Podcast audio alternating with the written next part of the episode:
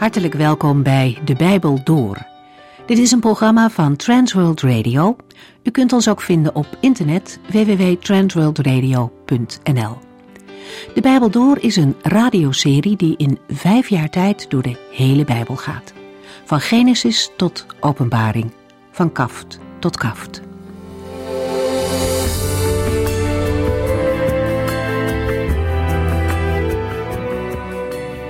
U kunt vandaag meelezen in Openbaring hoofdstuk 3.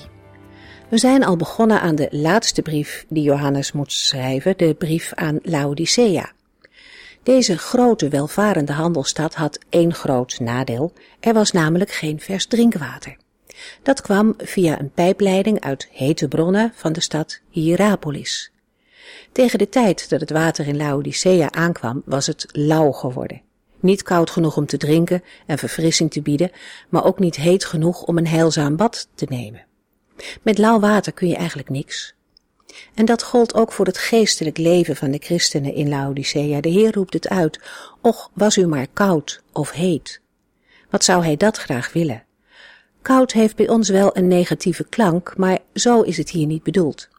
Koud water is geschikt om te drinken en om te verfrissen, en de beelden van heet en koud verwijzen waarschijnlijk naar de dichtstbijgelegen steden Hierapolis en Colosse.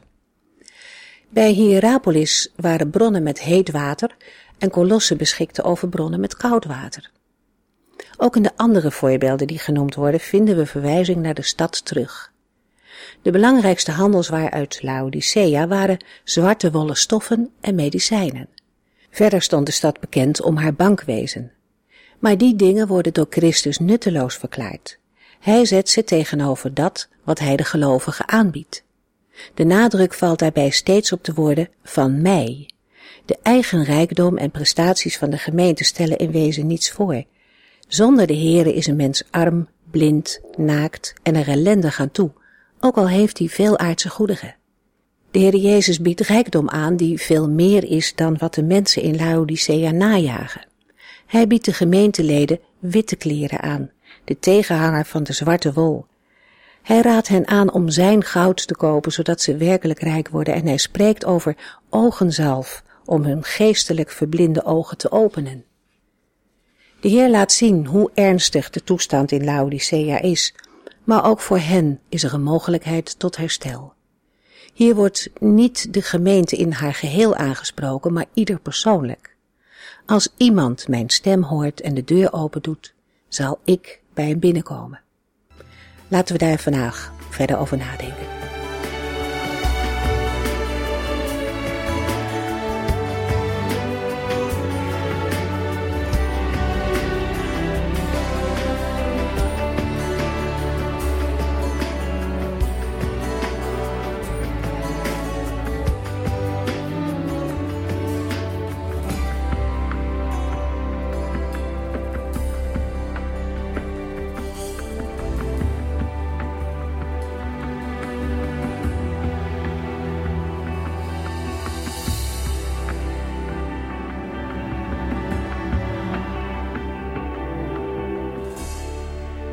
In de vorige uitzending lazen we de versen 19 en 20 uit Openbaring 3. In deze uitzending beginnen we met dezelfde woorden. Johannes schrijft namens de Heer Jezus Christus aan de christengemeente van Laodicea: Mensen die ik lief heb, roep ik ter verantwoording en bestraf ik. Doe dus uw best en kom tot inkeer. En in vers 20 lazen we: Luister, ik sta voor de deur en klop. Als iemand mij hoort en de deur opendoet, zal ik bij hem binnenkomen. Dan zullen wij samen eten, hij met mij en ik met hem. De Heer Jezus wil de christelijke gemeente ervan overtuigen dat ze op de verkeerde weg is en wil haar op de goede weg zetten. Vers 20 maakt duidelijk waarom de gevraagde bekering noodzakelijk is en wat zij inhoudt. De Heer Jezus gebruikt opnieuw een beeld uit het dagelijks leven van de Laodicensen. Romeinse ambtenaren konden in elk huis in de stad onderdak afdwingen, een situatie die veel weerstand opriep. Daarentegen zegt Christus dat hij zich niet opdringt. Daar waar hij om toegang vraagt, kan iemand zelf beslissen of hij wil open doen. Het beeld dat gebruikt wordt impliceert wel dat Christus buiten staat. In Laodicea waren de mensen, ook de gelovigen, erg met zichzelf ingenomen. Zij vonden dat zij alles zelf zo goed konden. Ze waren immers rijk en kwamen niets tekort. Maar in feite stond Christus buiten en was hij overbodig. Voor de gelovigen in Laodicea betekende bekering dan ook Jezus Christus opnieuw en vrijwillig toelaten in hun leven. De woorden als iemand mij hoort en de deur opendoet, zijn gericht tot individuele gemeenteleden en vragen om een persoonlijke reactie en keuze. Het beeld van de Heer Jezus die voor de deur staat, treffen we meestal aan in een context die op de toekomst is gericht. Een voorbeeld lezen we in Marcus 13, vers 28 en 29, waar Jezus zegt: Leer van de vijgenboom deze les. Wanneer er knoppen en blaadjes aankomen, weet je dat het gauw zomer wordt. Zo is het ook met de komst van de nieuwe wereld. Als je ziet gebeuren wat ik zojuist heb gezegd, weet je dat het niet lang meer duurt, dat het vlakbij is. In een andere Bijbelvertaling lezen we in vers 29: Zo moet u ook, wanneer u dit ziet gebeuren, weten dat het nabij is, voor de deur. In Jacobus 5, vers 9 schrijft Jacobus: Mopper niet op elkaar. Is op uzelf dan niets aan te merken? Ik wil u er nog eens op wijzen dat de Heere er aankomt, opdat u hierom niet veroordeeld wordt. In een andere Bijbelvertaling lezen we: Broeders, zucht niet tegen elkaar, opdat u niet onder het oordeel valt. Zie, de rechter staat voor de deur. Toch gaat het in Openbaring 3, vers 16 niet om een gebeurtenis in de toekomst, maar om een appel op dit moment. Een appel vraagt om een directe reactie. In Johannes 14, vers 23 en 24 zegt de Heer Jezus: Als iemand van mij houdt, zal hij doen wat ik heb gezegd. Mijn vader zal van hem houden en samen zullen wij bij hem komen wonen. Maar wie niet van mij houdt, trekt zich niets van mijn woorden aan. Wat ik tegen jullie allen zeg, komt niet van mezelf, maar van mijn vader, die mij gestuurd heeft. Iemand die niet van de Heer Jezus houdt, laat hem buiten zijn leven staan en doet de deur niet open om hem binnen te laten. Daarvoor is het nodig naar Christus te luisteren en de deur van het hart van zijn of haar leven open te doen. Ook in vers 20 ontdekken we de tegenstellingen die op elkaar botsen. We lezen over Christus. Hij staat aan de deur en klopt. Zijn kloppen is de oproep of het appel: bekeer u en doe mij open en eet met mij. Maar de consequentie daarvan is: neem niet deel aan de festiviteiten en maaltijden van de gilden. Wie met Jezus aan tafel mag zitten en eten, kan niet meedoen met het festival van de wereld. En dat Christus aan de deur klopt, betekent feitelijk dat de christengemeente hem heeft buitengesloten. Dat is verschrikkelijk. En toch ontvangen ook zij een uitnodiging voor de bruiloft van het Lam, uit genade. Samen een maaltijd gebruiken was een teken van vertrouwen en van een relatie. Het beeld van de maaltijd of het samen eten kan op drie dingen betrekking hebben. 1. Op een intieme relatie tussen Christus en de individuele gelovigen. 2. Op de eschatologische maaltijd. Wat ik daarmee bedoel, lezen we in Lucas 22, vers 28 tot en met 30, waar de Heer Jezus tegen zijn leerlingen zegt: Jullie zijn mij in deze vreselijke moeilijke dagen altijd trouw gebleven. Daarom zullen jullie mogen eten en drinken aan mijn tafel in het koninkrijk dat mijn vader mij gegeven heeft. Jullie zullen op tronen zitten om recht te spreken over de twaalf stammen van Israël. Ook in de gelijkenissen die de Heer Jezus vertelt in Matthäus 22 lezen we over het feestmaal van het Lam, de bruiloft van de Heer Jezus Christus. We lezen in Matthäus 22, vers 1 tot en met 14. Opnieuw richtte Jezus zich tot hen met gelijkenissen. Het koninkrijk van de hemelen lijkt op een koning die de bruiloft van zijn zoon voorbereidde. Hij stuurde zijn knechten erop uit om de gasten te gaan uitnodigen, maar niemand wilde komen. Daarom stuurde hij andere knechten erop uit om te zeggen: Alles staat klaar. Het mestvee is geslacht en klaargemaakt. Kom vlug naar het huwelijksfeest. Maar de mensen die uitgenodigd waren, haalden hun schouders op en gingen aan hun werk. De een naar zijn boerderij, de andere naar zijn zaak. Weer anderen grepen de knechten van de koning en mishandelden hen. Sommigen zo erg dat ze stierven. De koning was woedend. Hij stuurde zijn leger erop uit om de moordenaars te doden en hun stad plat te branden.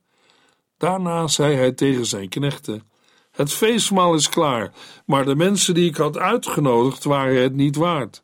Ga nu naar de drukste wegen en nodig iedereen uit die je daar ziet. De knechten gingen de straat op en brachten alle mensen binnen die zij konden vinden, zowel goede als slechte. Al gauw zat de feestzaal vol gasten. De koning kwam binnen om de gasten te begroeten. Ineens zag hij iemand die geen feestkleding droeg. Beste vriend, zei hij, hoe is het mogelijk dat u hier zonder feestkleding zit? Maar de man had geen antwoord. De koning zei tegen zijn dienaren: Bind hem vast en gooi hem buiten in de diepste duisternis. Daar zal hij vergaan van vroeging en verdriet. Velen zijn geroepen, maar weinigen zijn uitgekozen. Het samen maaltijd houden of samen eten kan als derde ook slaan op de maaltijd van de Heer Jezus, het avondmaal. De drie genoemde mogelijkheden sluiten elkaar niet uit, hoewel in de context van Openbaring 3, vers 20 de als eerste genoemde mogelijkheid het beste past, namelijk een intieme relatie tussen Christus en de individuele gelovige. Het afsluitende en ik met hem suggereert een rolwisseling waarbij Christus de gastheer wordt. Dit wordt versterkt door de woorden die in vers 21 volgen, waar Christus zegt: Wie overwint, mag samen met mij op mijn troon zitten, net zoals ik zelf overwonnen heb en samen met mijn Vader op zijn troon zit. Ook de laatste van de zeven brieven, de brief aan de gemeente van Laodicea, sluit weer af met een algemene belofte voor degene die overwint. Dit overwinnen heeft soms betrekking op het doorstaan van martelaarschap, maar dat is niet in alle zeven brieven het geval. Maar ook daar waar geen sprake is van vervolging, is wel de geestelijke strijd gaande van de boze machten tegen Christus en zijn volgelingen. Het beeld van de troon kan zinspelen op een schatrijke familie uit Laodicea, waaruit iemand ruim een eeuw voordat openbaring werd geschreven voor een dappere daad was beloond met het koningschap over een deel van Klein-Azië. Sinds die tijd zaten leden van die familie als vazallen van de Romeinen op diverse tronen in heel Klein-Azië. Het is tegelijk ook een Bijbelsbeeld dat verwijst naar het toekomstige regeren van de gelovigen met Christus. In 2 Timotheus 2 vers 11 en 12 schrijft de apostel Paulus aan zijn medewerker Timotheus: Ik vind troost in deze waarheid. Als wij samen met Christus gestorven zijn, zullen wij ook met hem leven. Als wij stand houden, zullen we eens met hem regeren. Maar als wij het opgeven en ons tegen Christus keren, zal hij zich tegen ons keren. De geweldige belofte van Openbaring 3, vers 20 is dat de gelovigen zullen delen in de positie van Christus zelf. Dat lezen we in Openbaring 20, vers 4 tot en met 6. Toen zag ik een aantal tronen. Zij die erop zaten mochten recht spreken. Ik zag ook de zielen van de mensen die onthoofd waren om hun openlijke trouw aan Jezus en aan wat God had gezegd. Zij hadden het beest en zijn standbeeld niet aanbeden en dus ook het teken op hun voorhoofd of hand niet gekregen. Zij werden weer levend en heersten samen met Christus duizend jaar lang. Dit is de eerste opstanding. De rest van de doden werd pas weer levend na die duizend jaar. Gelukkig zijn zij die aan deze eerste opstanding deel hebben. Ze zijn als heiligen voor God afgezonderd. De tweede dood zal hun niets kunnen doen. Zij zullen priesters van God en Christus worden en al die duizend jaar samen met Christus regeren. De overwinning van de Heer Jezus vond plaats aan het kruis van Golgotha en is een voltooid feit in het verleden. Sinds opstanding en hemelvaart zit Christus aan Gods rechterhand op de troon. Dat is voorzegd in het Oude Testament. In Handelingen 2, vers 32 tot en met 35 horen we de apostel Petrus op de Pinksterdag zeggen: God heeft Jezus uit de dood laten opstaan. Dat hebben wij allemaal gezien. Hij heeft hem toen de ereplaats aan zijn rechterhand gegeven. Zoals beloofd gaf God hem de Heilige Geest en Jezus heeft de Heilige Geest uitgestort. En dat ziet en hoort u nu. David is niet zelf naar de hemel gegaan en sprak dus niet over zichzelf toen hij zei: God zei tegen mijn Heere: Kom naast mij zitten aan mijn rechterhand, totdat ik uw vijanden aan u onderworpen heb. Christus heeft alles volbracht en zit nu aan de rechterhand van God de Vader. Een van de dingen die de Heer Jezus in de hemel doet, lezen we in Hebreeën 8, vers 1 en 2. Wat wij nog eens willen zeggen, komt eigenlijk hierop neer. Christus is onze hoge priester. En hij zit aan de rechterhand van God op de troon in de hemelen. Hij dient God in het hemelse heiligdom, in de ware tempel die door de Here en niet door mensen gebouwd is. In Openbaring 3 vers 21 horen wij het Christus zelf zeggen, namelijk: Wie overwint, mag samen met mij op mijn troon zitten, net zoals ik zelf overwonnen heb en samen met mijn Vader op zijn troon zit. Openbaring 3, vers 22. Als u oren hebt, luister dan naar wat de Geest tegen de gemeenten zegt. In vers 22 lezen we voor de laatste keer bekende slotwoorden waarmee elk van de zeven brieven wordt afgesloten. Het is de dringende oproep aan ieder die de brieven hoort voorlezen of zelf leest, om de boodschap ervan tot zich te laten doordringen. De bruiloft van het Lam komt als Christus de onbekeerlijke wereld heeft overwonnen. Daarna neemt hij plaats op zijn troon en houdt de boekrol van de wereldgeschiedenis in zijn doorboorde handen. En alles wat binnen Gods plan past, zal gebeuren. Gelovigen worden opgeroepen om zich niet te laten meeslepen door materiële voorspoed, want die gaat voorbij. En als Christus terugkomt, zullen wij met hem als koningen heersen. We hebben nu de zeven brieven uit het Bijbelboek Openbaring gelezen. En het zet ons even stil bij onszelf. In het begin van de bespreking van Openbaring 2 en 3 gaf al aan dat de brieven een spiegel zijn waarin iedere christelijke gemeente zich kan spiegelen. Laten we vooral niet vergeten waartoe Christus ook ons deze spiegel heeft gegeven. In Openbaring 1, vers 1 lazen we: In dit boek onthult Jezus Christus de geheimen die God hem heeft bekendgemaakt. Hij laat zijn dienaren zien wat er binnenkort moet gebeuren.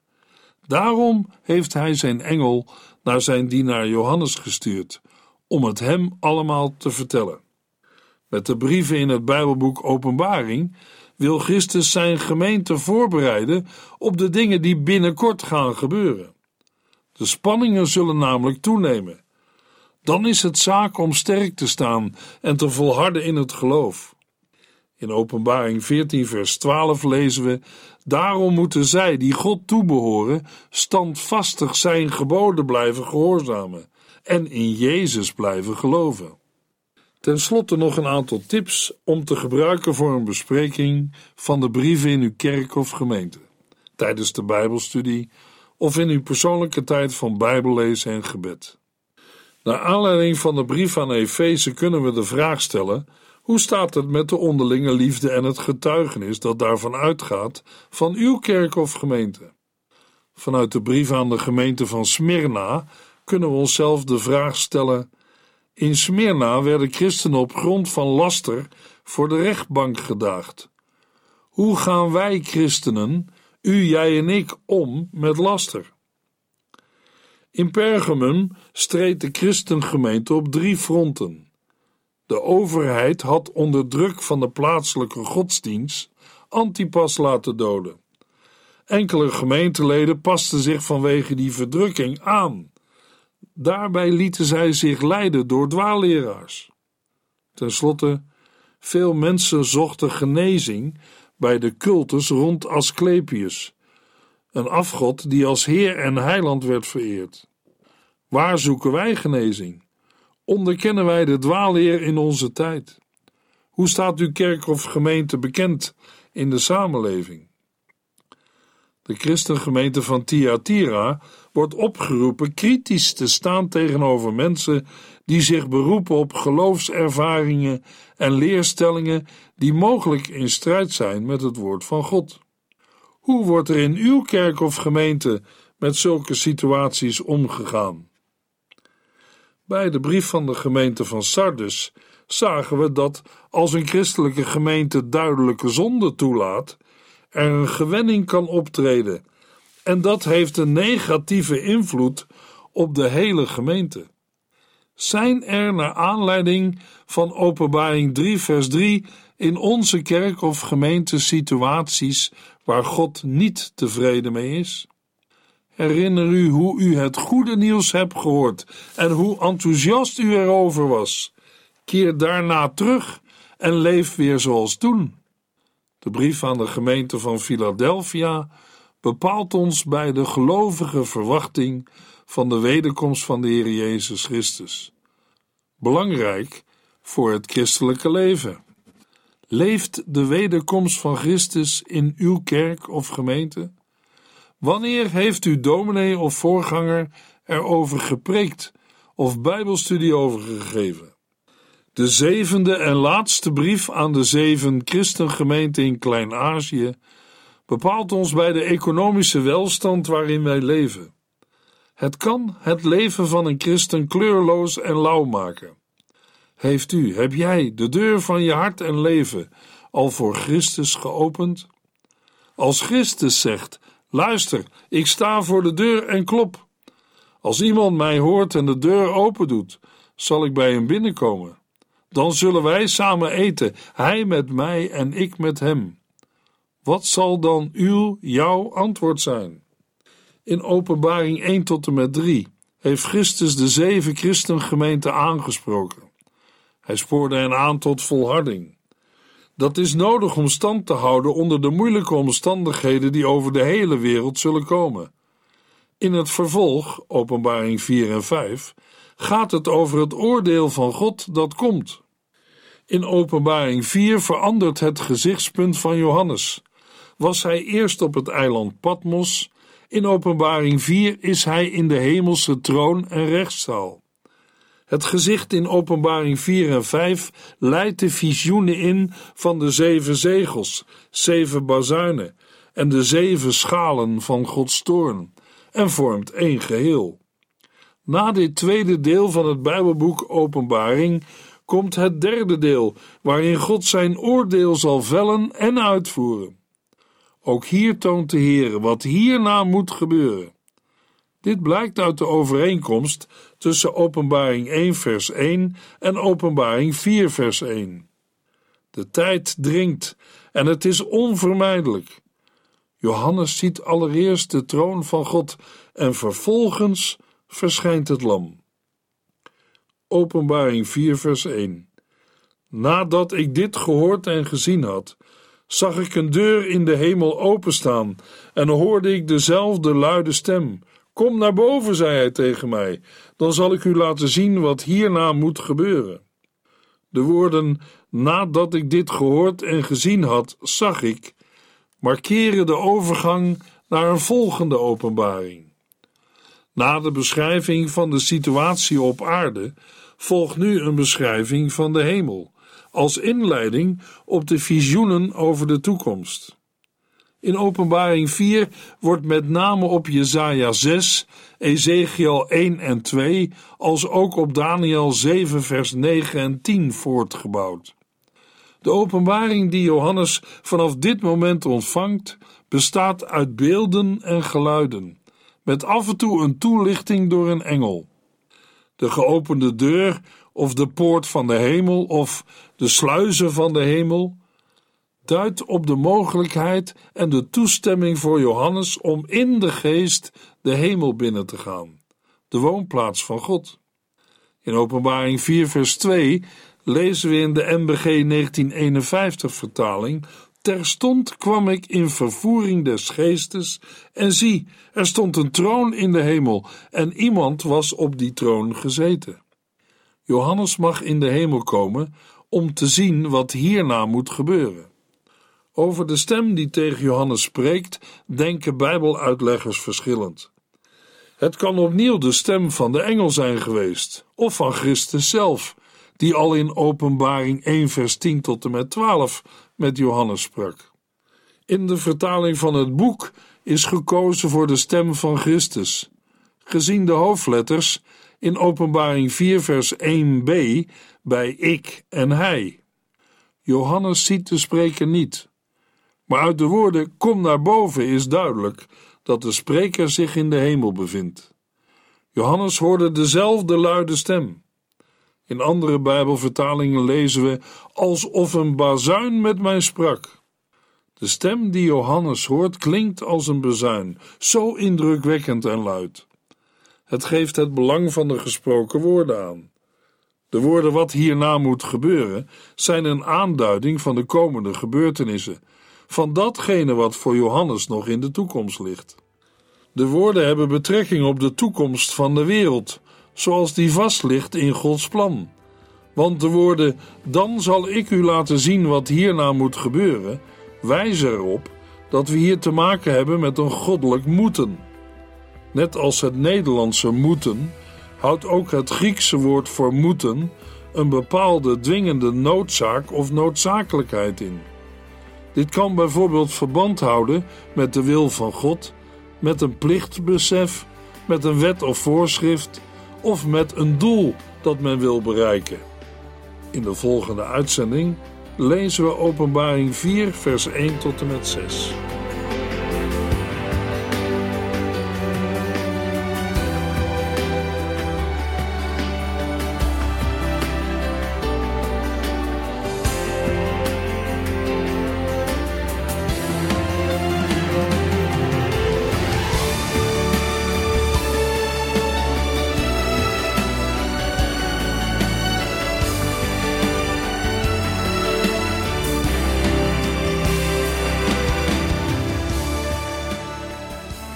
Sinds kort kunt u een USB-stick bestellen met alle uitzendingen en de teksten van de Bijbel door. Ons adres volgt in de afkondiging. En hier eindigt deze aflevering van De Bijbel Door. Een serie programma's van Transworld Radio. Wilt u ons iets vragen of meer weten? Dan kunt u altijd contact met ons opnemen. Bellen kan overdag met 0342 478432. Per post Transworld Radio, postbus 371, postcode 3770, Anton Johannes in Barneveld. En e-mailen kan ook. De Bijbel door at transworldradio.nl En natuurlijk ook via onze website transworldradio.nl Dit programma werd gepresenteerd door Cor Weda en Ike André. En namens iedereen die er nog meer aan meegewerkt heeft, graag tot de volgende keer.